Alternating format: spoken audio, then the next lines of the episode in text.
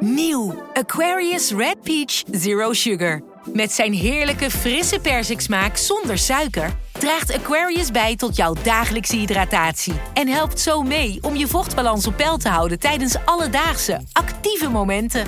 Thuis, op het werk of onderweg. Ook verkrijgbaar in smaken lemon en orange. Probeer hem nu. Een maatschappij waarin iedereen meedoet. Een gezonde, groene en rechtvaardige wereld. Daar willen jij en heel veel andere mensen best iets aan bijdragen. In het klein en in het groot. Dicht bij huis en ver weg. Zo hebben we vorig jaar 349 miljoen euro bij elkaar gebracht. Miljoenen waarmee onze goede doelenpartners de wereld elke dag een beetje beter kunnen maken. Nationale Postcode Loterij. Samen voor een betere wereld.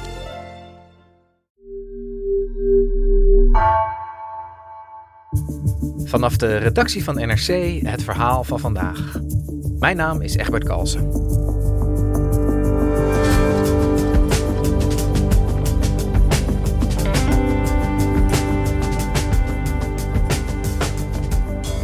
In Libanon raakt het geduld met Syrische vluchtelingen snel op. De regering doet er alles aan om de Syriërs weg te pesten. Correspondent Melvin Ingleby bezocht een vluchtelingenkamp dat net met de grond gelijk was gemaakt. Daar zag hij dat het in Europa gekoesterde idee van opvang in de regio in de praktijk een totale mislukking is.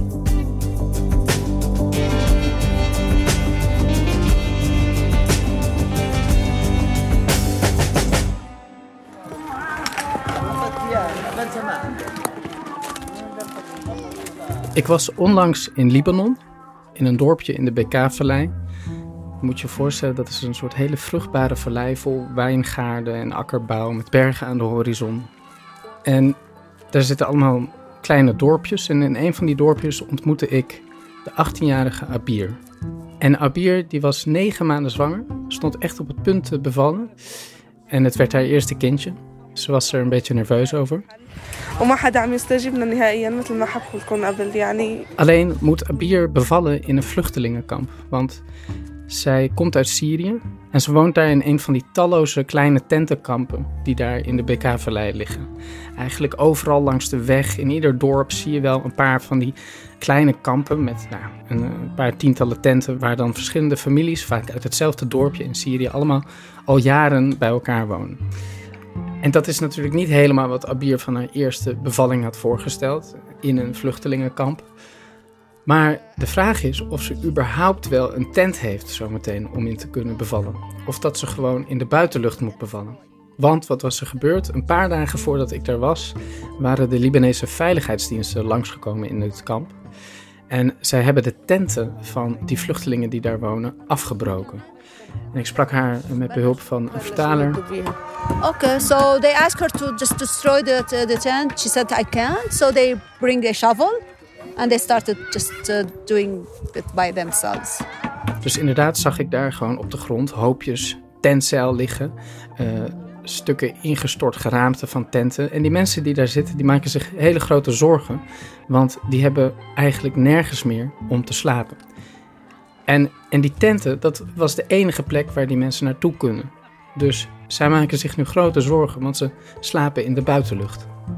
Dat is als ze al kunnen slapen, want veel van die mensen vertelden me dat ze ontzettend bang zijn. So I'm afraid if I give birth to my baby, he will be just uh, outside. Niet alleen omdat ze onbeschermd zijn tegen de elementen, het ging die avond stormen, maar ook omdat er allerlei zwerfhonden op dat terrein rondliepen. Dus Abir zei: had ik maar mijn tent nog. Het enige wat ik wil is gewoon iets van bescherming, zodat ik daar mijn kind op de wereld kan zetten. Our only hope now is to have a shelter, a place to be sheltering, a, roof to stay under. En Abir is niet de enige die in dat kamp woonde. Er waren 150 mensen in dat kamp, waarvan ik denk zo'n 100 kinderen. En zij sliepen allemaal in de buitenhemel. Ik moet je zeggen dat dat wel hard binnenkwam. Ik sprak daar met Abir, ik keek om me heen. Overal een ontzettende puinzooi, hun ingestorte tenten. Ze konden geen kant op. En dan zo'n zo'n jonge vrouw die gewoon buiten moet bevallen. En dan vraag je je toch wel af, hoe heeft dit zover kunnen komen? En die mensen vertellen me dat ze al tien jaar in uh, van dit soort kampen wonen. En dan vraag je je toch wel af, is dit het in Nederland eindeloos geprezen idee van opvang in de regio. Wat een mensonterende puinhoop uh, beschrijf jij daar in dat, uh, in dat kamp in Libanon. Kan jij eens uitleggen, die Libanese veiligheidsdiensten, waarom breken zij die tenten van die vluchtelingen af? Ja, dat wisten die mensen daar zelf ook niet precies. Maar ik denk dat dit vooral ook een manier is om gewoon het leven van de Syrische vluchtelingen totaal onmogelijk te maken. De Libanese autoriteiten zijn echt bezig om de Syriërs op alle manieren in hun vrijheden in te perken, te treiteren, lastig te vallen. En dit is daar denk ik ook een typisch voorbeeld van. Want waarom willen die Libanezen dat leven van die Syriërs zo zuur maken? bedoel, waarom is er geen plek voor iemand als Abir? Je moet weten, Libanon is een uh, klein land. Het is een buurland van Syrië. Het heeft uh, zo'n 6 miljoen mensen, waarvan anderhalf miljoen Syriërs en 4,5 miljoen Libanezen. Dus uh, ja, zeker een kwart van die bevolking is uh, Syrisch vluchteling, misschien wel meer. Sinds de bankencrisis van 2019 is de Libanese economie volledig ingestort. Iets minder dan 90% van de bevolking leeft onder de armoedegrens. 2 miljoen Libanezen zijn zelf afhankelijk van humanitaire hulp. Dus zij kunnen die opvang van die Syriërs helemaal niet aan. Het was altijd al te veel, maar nu die economische crisis dat land zo hard heeft geraakt, is het al helemaal te veel. Dus je ziet ook dat de afgunst tegen die Syriërs razendsnel toeneemt. Er is echt extreme vorm van vluchtelingenhaat in Libanon. En die haat die wordt alsmaar aangewakkerd door Libanese politici. Want wat doen die? Die gebruiken de Syriërs echt als zondebok voor een economische crisis die door hen zelf is veroorzaakt. En dat doen ze door voortdurend op de televisie met eh, de meest racistische uitspraken te komen maar ook door allerlei maatregelen door te voeren. Dus dan moet je denken aan een avondklok die alleen voor Syriërs geldt, of maatregelen die het moeilijker maken voor Syriërs om een huis te huren. Meer controles bij checkpoints die zich dan alleen tegen Syriërs richten, of dit soort acties dat ze ineens alle tenten in een kamp gaan afbreken. Dus vanuit de Libanese regering is dit, is dit bewust beleid, zou je kunnen zeggen, hè, om die Syriërs zo, zo dwars te zitten. Hoe, hoe is dat voor de Libanese bevolking? Hoe kijken zij aan tegen die Syrische vluchtelingen? Ja, ook onder de bevolking is ontzettend veel vluchtelingenhaat. Uh, je schrikt er soms echt van. Ik, ik, sprak bijvoorbeeld met twee Libanese dames, Dalal en Nazha. En we zaten samen op hun veranda in een dorpje vlakbij dat uh, vluchtelingenkamp waar Abir woont. En ik vroeg hen, goh, wat, wat vinden jullie van de Syriërs die hier wonen? En er kwam me toch een zondvloed aan racistische woordenkots ik schrok er echt een beetje van. Ze zeiden, ja, die Syriërs, die sperige Syriërs, die brengen virussen, ze stelen, ze roven, ze zijn vies, ze pakken onze elektriciteit af, ons water af. Er is een complot om de christenen zoals wij te vervangen met de moslims. De Syriërs zijn daarvoor binnengebracht. En dat gaat nu allemaal al meer dan elf jaar zo. Het wordt tijd dat ze oprotten. Ze moeten gewoon allemaal terug naar Syrië. جبناهم استقبلناهم على اساس سبعة ثمان اشهر بينقبروا بيروحوا بلدوا بدهم يتوطنوا. So we were supposed to receive them for a few months and then like they're staying here forever. Enough. En als ik dan vroeg van, hé, hey, maar is dat niet gevaarlijk? Zei ze, niks mee te maken, laat ze maar lekker sterven daar. Wat mij betreft kunnen ze naar de hel. It's not up to me. It's, it's not, it's not my responsibility to just yeah, to... Not my problem. It's not my problem. En ik dacht, oké, okay, dus dit, dit is het niveau wat gewoon, hè, het was de eerste, de beste twee Libanese dames die ik aansprak in een dorp. Dus daar schrik je echt wel van. Maar ja, tegelijkertijd, als je dan doorvraagt, dan hoor je ook dat uh, zij leven van een salaris van 100 dollar in de maand. De elektriciteitsrekening is al 85 dollar in de maand. En ze hebben het idee dat Syriërs allemaal humanitaire hulp krijgen en zij niet. Dat is niet waar. In werkelijkheid gaat die hulp naar zowel Libanezen als Syriërs. Maar ze hebben dus het idee dat alle problemen in dat land veroorzaakt worden door die vluchtelingen. En de politici in het land doen natuurlijk alles aan om dat idee aan te wakkeren, om hun eigen verantwoordelijkheid te verhullen. Dus ja, die retoriek die slaat aan. Jij hebt met die Syrische vluchtelingen gesproken. Wat, wat, wat doet dat met hen als je weet dat je zo onwelkom bent in een land? Ja, dat is echt moeilijk. Je, je ziet echt dat de waardigheid van mensen wordt afgenomen. En dat ze het gewoon niet meer aankunnen. Dus een van de vrouwen in dat kamp vertelde me dat toen de Libanese veiligheidsdiensten langskwamen om haar tent af te breken, dat er iets in haar knapte. En dat zij haar dochters de tent mee innam en probeerde om de tent in de fik te steken. Gewoon van, dan ga ik maar dood. Ik ben er klaar mee. Als ik niet eens een tent mag hebben, dan hoeft het van mij niet meer. Dus stapje voor stapje wordt de menselijke waardigheid van die Syriërs ontnomen met allerlei maatregelen. En nu zie je dus ook steeds vaker dat de Libanezen overgaan tot een laatste maatregel. En dat is deportatie. En daarover sprak ik met de 34-jarige Rasha. Ze komt uit Aleppo, woont nu in Beirut. En ik sprak haar met behulp van een vertaler. En Rasha vertelt me hoe afgelopen maand om vier uur ochtends op haar deur werd gebonst.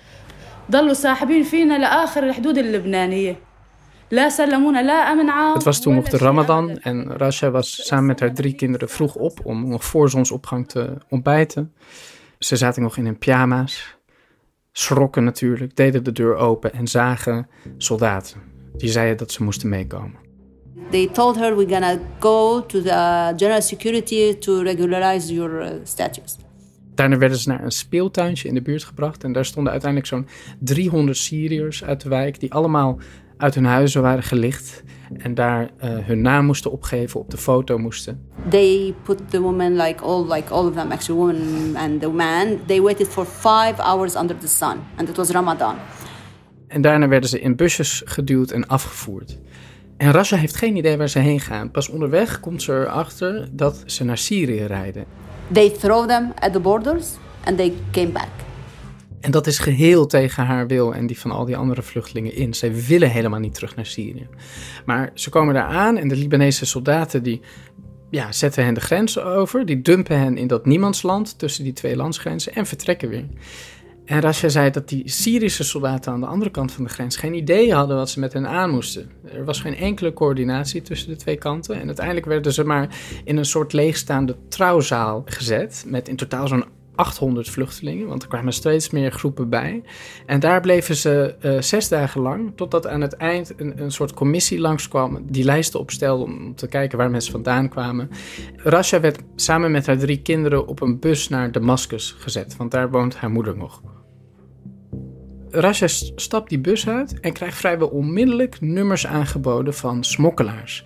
Die zeggen dat ze haar en alle anderen die daar aankomen meteen weer kunnen terugbrengen naar Libanon. Dus dat doet ze. The next day they came smuggled to Lebanon. Actually it's a business. She paid 100 120 دولار على شخص واحد ولا كلكم كلكم 120 dollars for the whole. She paid. Dus ze gaat gewoon direct weer terug. En Rasha zei, zo ging dat met iedereen. Vrijwel alle mensen die gedeporteerd waren, gingen onmiddellijk weer terug naar Libanon. Ja, dat klinkt als een, uh, als een volstrekt zinloze deportatie, En als ik jou zo hoor, is bijna een soort draaideur waar ze in terechtkomen. Ja, en die draaideur is ook heel erg gevaarlijk. Het is een soort heel uh, cynisch spel, lijkt het, waarbij alle risico's voor de Syriërs zijn. Want je moet je bedenken, heel veel Syriërs die, die lopen gevaar als ze worden teruggestuurd. Natuurlijk, er is ook een groep hè, uh, die in aanmerking kan komen voor terugkeer. Er zijn zelfs Syriërs die uh, vrij regelmatig tussen Libanon en Syrië reizen voor familiebezoek en dergelijke. Je zou kunnen zeggen, nou, die kan mogelijk uh, terug. Maar er is ook een hele grote groep van mensen voor wie dat heel risicovol is. Om allerlei redenen. Omdat ze geen huis meer hebben, omdat het gebied waar ze wonen nog niet helemaal veilig is, omdat er overal landmijnen liggen, omdat er nog gevochten wordt en voor de mannen is een hele grote reden dat ze de dienstplicht willen ontduiken. Want ze willen niet twee jaar het Syrische leger in. En het feit dat ze die hebben ontdoken betekent ook dat ze kunnen worden opgepakt. En er is ook nog een groep die kan worden aangehouden voor politieke redenen. En mensenrechtenorganisaties hebben tientallen gevallen gedocumenteerd van dat soort Syriërs die na deportatie zijn gearresteerd, gemarteld, verkracht en vermoord. En ook Raja die heeft gezien hoe vijf mannen in haar groep werden meegenomen. Dus het is levensgevaarlijk voor uh, een deel van die Syriërs. En het werkt dus ook nog eens voor geen meter. Want die, die grens is zo lek als een mandje. En die mensen worden meteen weer teruggesmokkeld. Dat klinkt eigenlijk als, uh, als, als falend beleid, als je het überhaupt al beleid kunt noemen. Ja, ik, ik denk dat het ook geen beleid valt te noemen. Uh, ik denk niet dat deze recente deportaties op een soort van koerswijziging wijzen. Of dat we nu een soort van georganiseerde vorm van terugkeer gaan zien. Je ziet aan het verhaal van Rasha, iedere organisatie ontbreekt. Het is denk ik gewoon een manier van de Libanese autoriteiten om weer punten te scoren bij de lokale bevolking. Van hè, we treden op tegen het uh, probleem. En aan de andere kant om de buitenwereld en met name de EU te laten zien: het is weer crisis. Uh, wij hebben meer hulp nodig. We hebben meer geld nodig. Ja, want dat, dat moet je denk ik even uitleggen. Wat, wat is precies de rol van Europa als het gaat over die opvang in Libanon? Nou, om het heel kort te zeggen, Europa wil die vluchtelingen niet en probeert het probleem op te lossen door geld te sturen. Dat is het hele mantra van opvang in de regio. Dus de Europese Unie heeft sinds het begin van de oorlog in Syrië enkele miljarden aan humanitaire steun gestuurd. Maar ondertussen eh, wil het wel dat al die Syrische vluchtelingen in Libanon blijven. Dus volgens een onderzoekster die ik sprak, is er maar 1% van die Syriërs in Libanon is via legale weg opgenomen door Europa. De bedoeling is echt dat ze allemaal daar blijven. Maar dat werkt dus helemaal niet, want dat land kan dat helemaal niet aan. Dat kon het al niet aan en zeker nu niet het in die enorme economische crisis verkeerd. En aan de andere kant, dat alsmaar geld sturen, dat leidt ook echt tot een perverse prikkel. Want je ziet dat de Libanese politici die hebben er eigenlijk baat bij om het probleem niet op te lossen. Om altijd aan te geven, het is crisis. Uh, maar niet met concrete uh, beleidsstappen te komen. Dat zie je ook in die deportaties. Ik bedoel, als dat echt een vorm van beleid was, dan hadden ze het wel georganiseerd en dan was die grens beter gecontroleerd. Maar dat is niet zo. Het is een manier ook om aan Europa te laten zien van het is crisis, wij hebben meer geld nodig. Want humanitaire hulp in Libanon is gewoon een van de belangrijkste inkomstenbronnen van het land geworden. Dat land staat zo aan de afgrond, het heeft geen enkele vorm van productie, dat het afhankelijk is van externe valuta die binnenkomt. En die politici die weten dat zij een deel van het geld ook weer in eigen zakken kunnen steken vanwege de door en door corrupte manier waarop dat land werkt. Dus het is eigenlijk zo dat omdat Europa het probleem niet wil oplossen, ze geld geven aan mensen die het probleem ook niet willen oplossen. Ja, want ze steken eigenlijk aan beide kanten van de streep, zou je kunnen zeggen, hun kop in het zand. Het werkt voor geen meter en we gaan lekker door. Ja, en ik denk dat die doctrine van opvang in de regio ook een soort van manier is om problemen hè, door te schuiven. Uh, je zegt wij hebben geen zin in vluchtelingen, dus die laten we daar, we sturen geld. Maar die landen als Libanon, die kunnen dat helemaal niet aan. En op een gegeven moment, dat zie je heel duidelijk nu, stort dat in. En stappen Libanezen en Syriërs onderhand samen in bootjes naar Europa. Dus dan heb je precies het tegenovergestelde bereikt als wat je als Europa eh, wilde bereiken. Puur omdat er niet voldoende na wordt gedacht over structurele oplossingen. En problemen worden doorgeschoven en afgeschoven op anderen. En als je dan in zo'n tentenkamp staat in de BK-vallei waar Abir woonde, dan denk je echt van hoeveel landen moeten nog omvallen voordat we iets meer verantwoordelijkheid gaan nemen? Hoe lang kan deze situatie nog doorgaan? En hoe kan het dat er, ondanks al die miljarden die gestuurd zijn, een situatie is ontstaan waarbij iemand als Sabir dus buiten van haar eerste kindje moet bevallen? Ja, want, want hoe moet dat nou verder met haar? Ja, dat zag ze zelf ook niet heel erg voor zich. Uh, I know that this baby he won't uh, survive in such situation. It's very hard for this baby to survive. If I just thought we would be facing this thing, I would never thought of having a baby. Ik zag gewoon dat ze heel erg bang was. Uh, probeerde haar een beetje gerust te stellen. En ik vroeg van, goh, heb je al een naam voor je baby bedacht? En toen antwoordde ze abrupt, ja, Musharrit. Wat dakloos betekent in het Arabisch. Homeless. Homeless. En ze zei, ja, het liefst zou ik willen dat, dat hij gewoon in mijn buik kan blijven. Want ik wil niet dat mijn kind deze wereld ziet.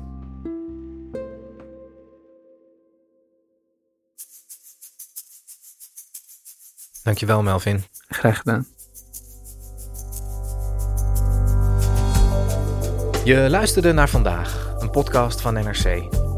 Eén verhaal, elke dag.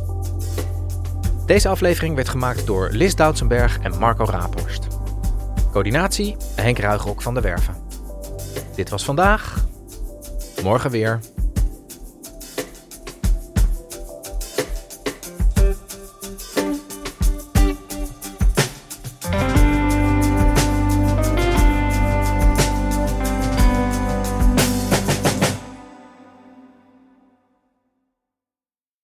Reist met NS, reist net even anders. Wij reizen groen, zonder moeite te doen. Oh, zo kan je dus ook een dagje weg. En wij werken in stilte. In stilte? Nou ja, met oortjes dan. Oh. Zo gaan we iedere dag vooruit. Stap je ook in?